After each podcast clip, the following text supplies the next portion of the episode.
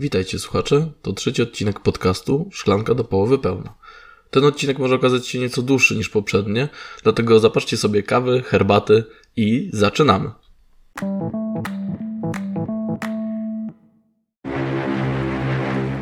Słyszeliście kiedyś o katastrofie promu Jan Heweliusz z 1993 roku?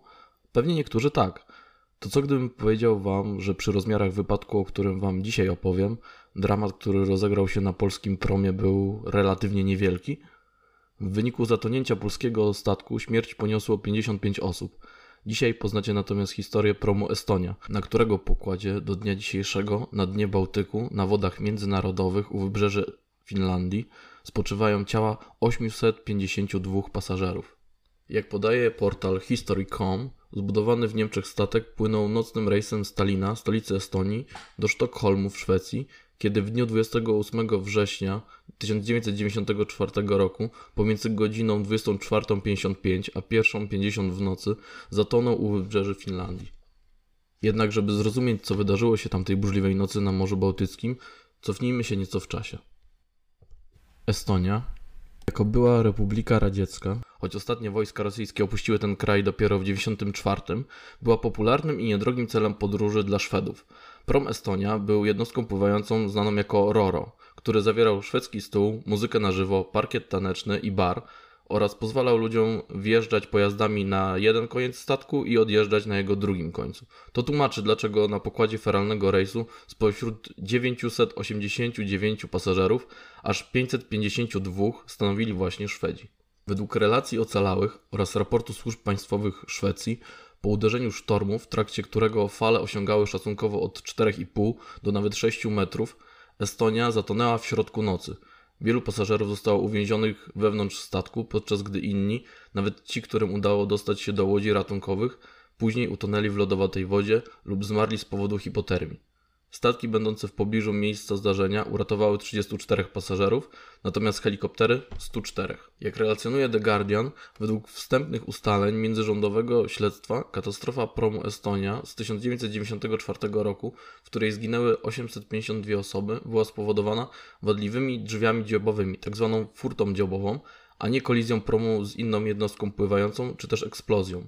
Estońscy, fińscy i szwedzcy śledczy doszli do wniosku, że ta największa katastrofa morska w Europie w czasie pokoju od II wojny światowej miała miejsce po zerwaniu osłony dziobowej statku na wzburzonym morzu.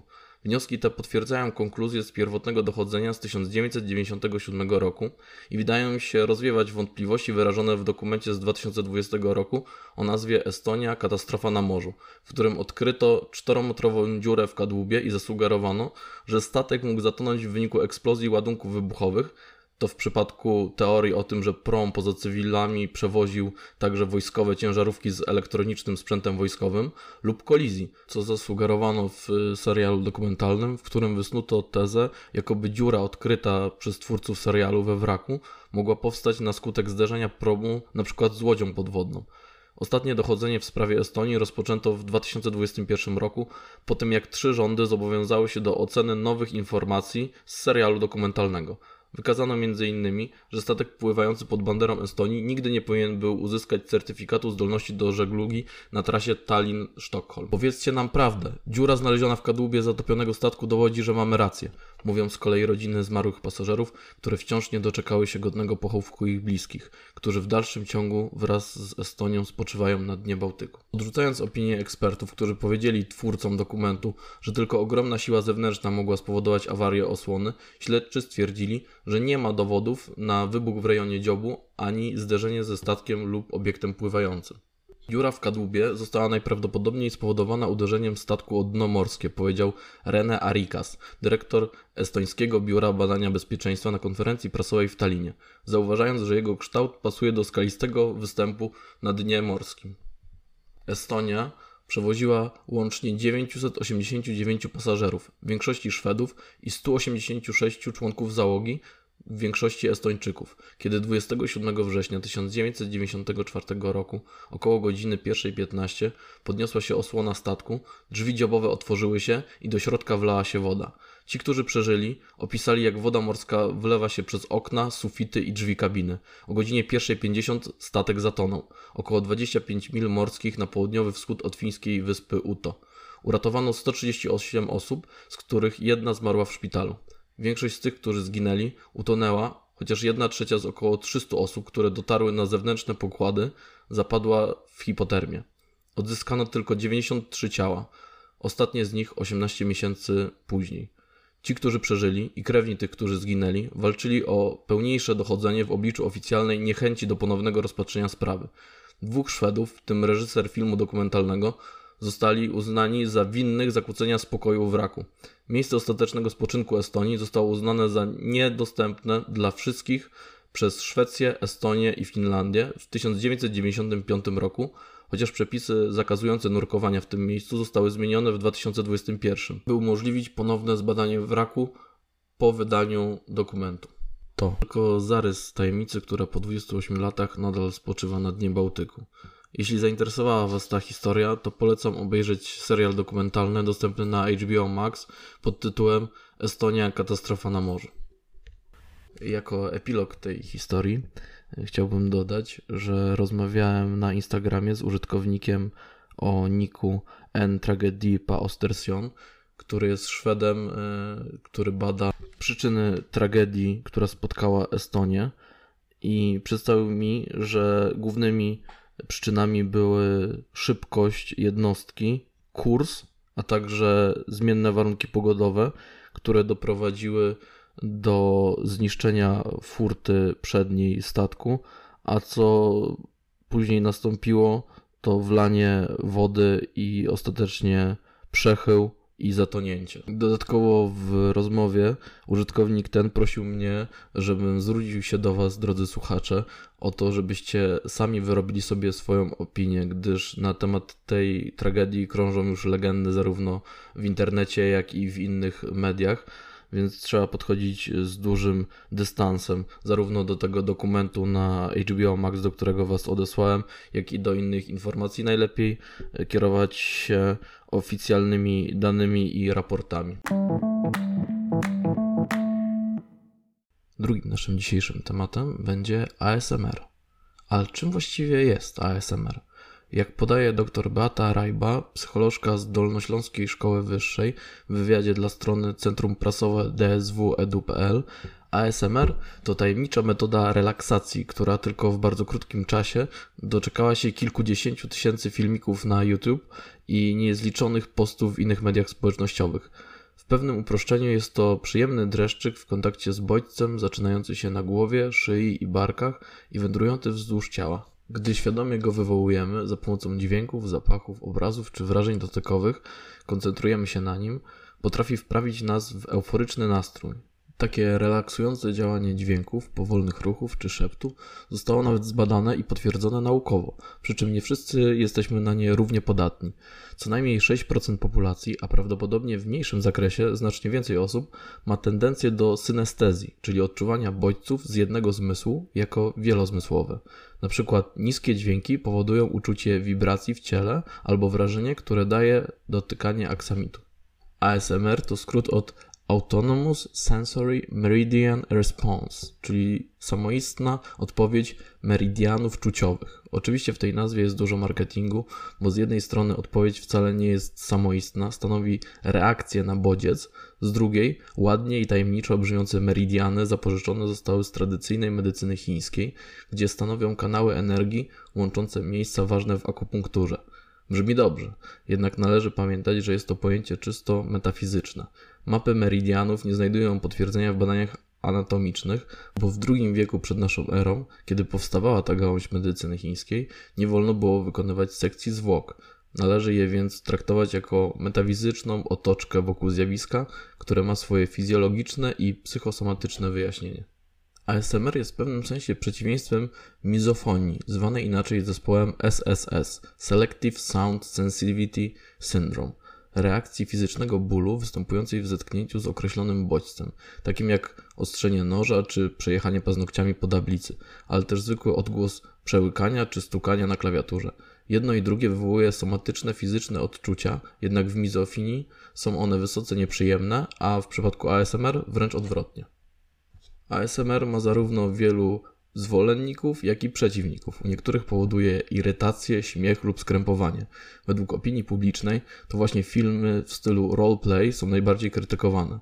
Zazwyczaj tak zwane rozmowy, a raczej monologi prowadzone w tych filmach są sztuczne i nudne. O ile ktoś nie ma miłych skojarzeń z wizytą lekarską, to zachowanie przed kamerą może być uznawane za śmieszne. Odgrywanie roli wiąże się z przebieraniem, używaniem specyficznego języka, co rozprasza widza i nie skupia się on wtedy na bodźcach, które mają uwolnić jego napięcie. Jak podano na stronie cdn.ug.edu.pl, ASMR w pewnych środowiskach jest uznawane za nieprzyzwoite. Ale dlaczego? Być może dlatego, że szept może wywoływać bardzo intymne odczucia, często nawet gdy twórcy nie mają tego na myśli. ASMR jest seksualizowane przez społeczeństwo. Skojarzenie tego zjawiska ze sferą seksualną jest naturalne. Nie ma w tym nic dziwnego, że jeżeli wiemy, że seks, podobnie jak ASMR, ma właściwości relaksujące i rozluźniające, Jednakże należy pamiętać, że grupą odbiorców ASMR może być każdy, również dzieci. Dlatego nie powinno mieć ono cech gorszących dla młodszego grona słuchaczy.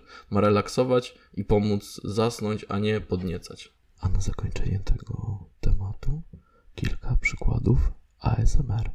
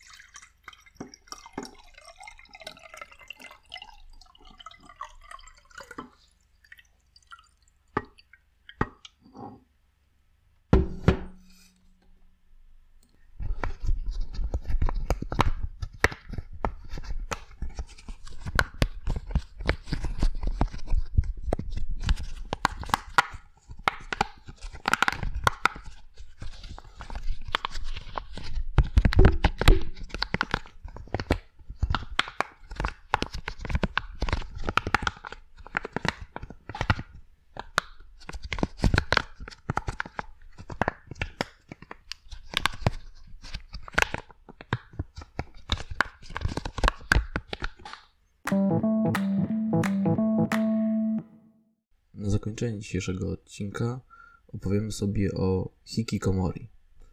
Jak określiła to w swojej pracy naukowej z 2010 roku pod tytułem Więzień z wyboru, dr Joanna Katarzyna Puchalska, fenomen hikikomori należy do poważnych problemów społecznych współczesnej Japonii. W języku angielskim określa się go mianem Acute Social Withdrawal Syndrome, czyli syndromem skrajnego wycofania społecznego. Termin hikikomori powstał stosunkowo niedawno. W mediach i dyskursie naukowym pojawił się w połowie lat 80., chociaż samo zjawisko ma znacznie dłuższą genezę. Korzeni hikikomori szukać można już we wczesnych latach 70. i tym, co wówczas nazywano tokoyoshi, co można luźno przełożyć jako wagarowicze. Hikikomori można tłumaczyć mniej więcej jako odosobniony czy też ukrywający się. Jak wygląda życie hikikomori?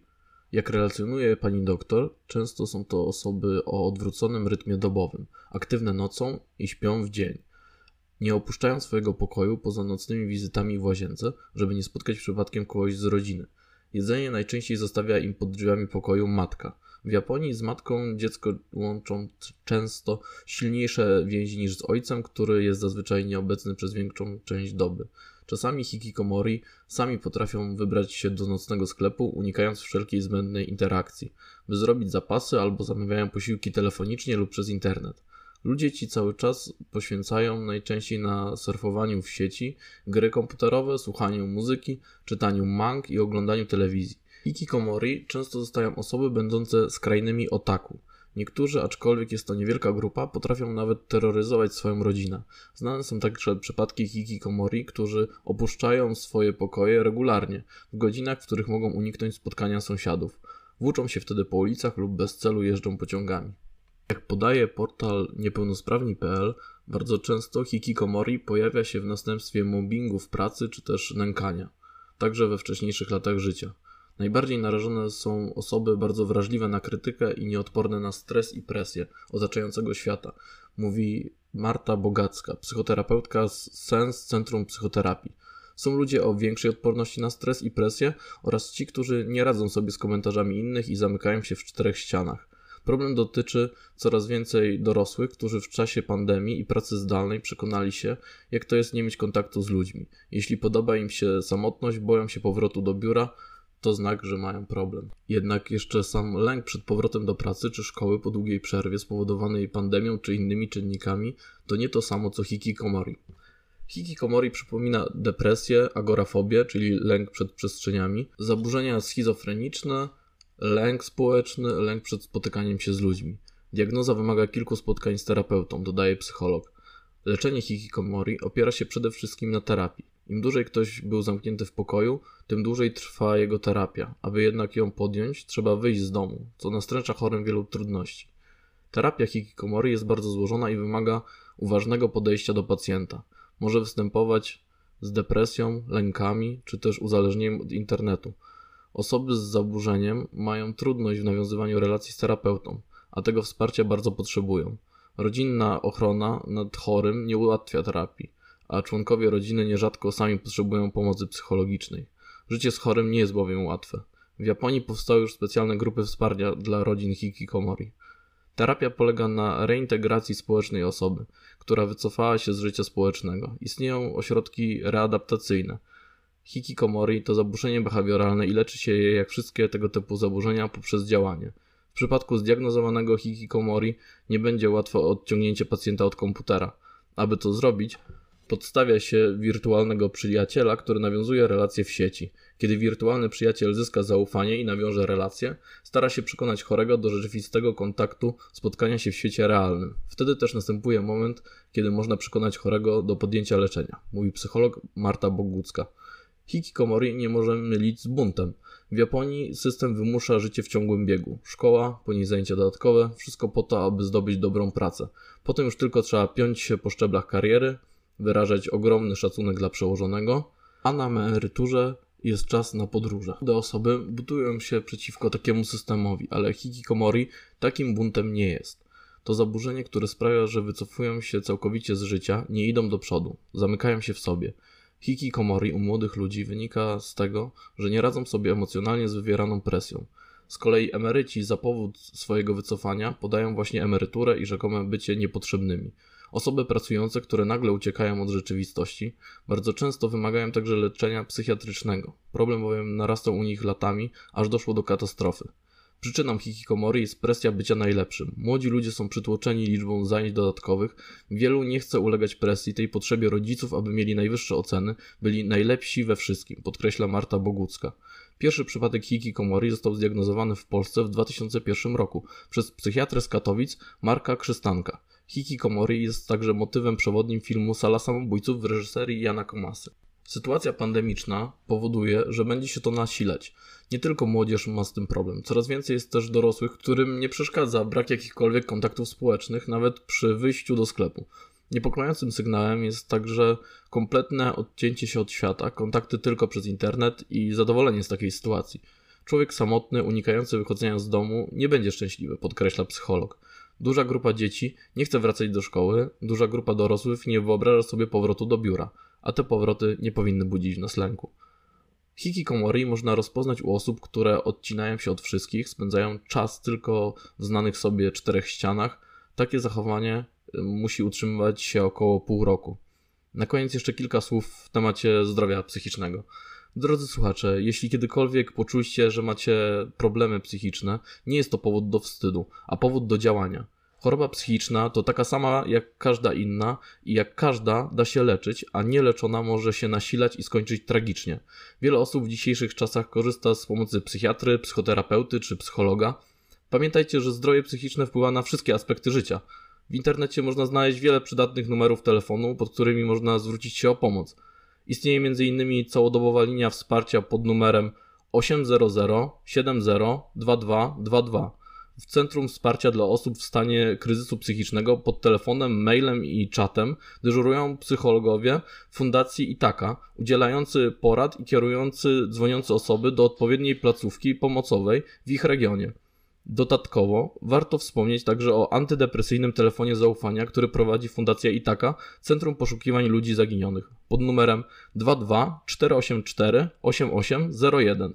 Dni i godziny na przestrzeni lat się zmieniają, dlatego najlepiej sprawdzić szczegóły na stronie stopdepresji.pl. I to już wszystko w dzisiejszym odcinku. Zapraszam Was na czwarty odcinek już w przyszłym tygodniu. Tymczasem dobrego tygodnia i dbajcie o siebie. Cześć.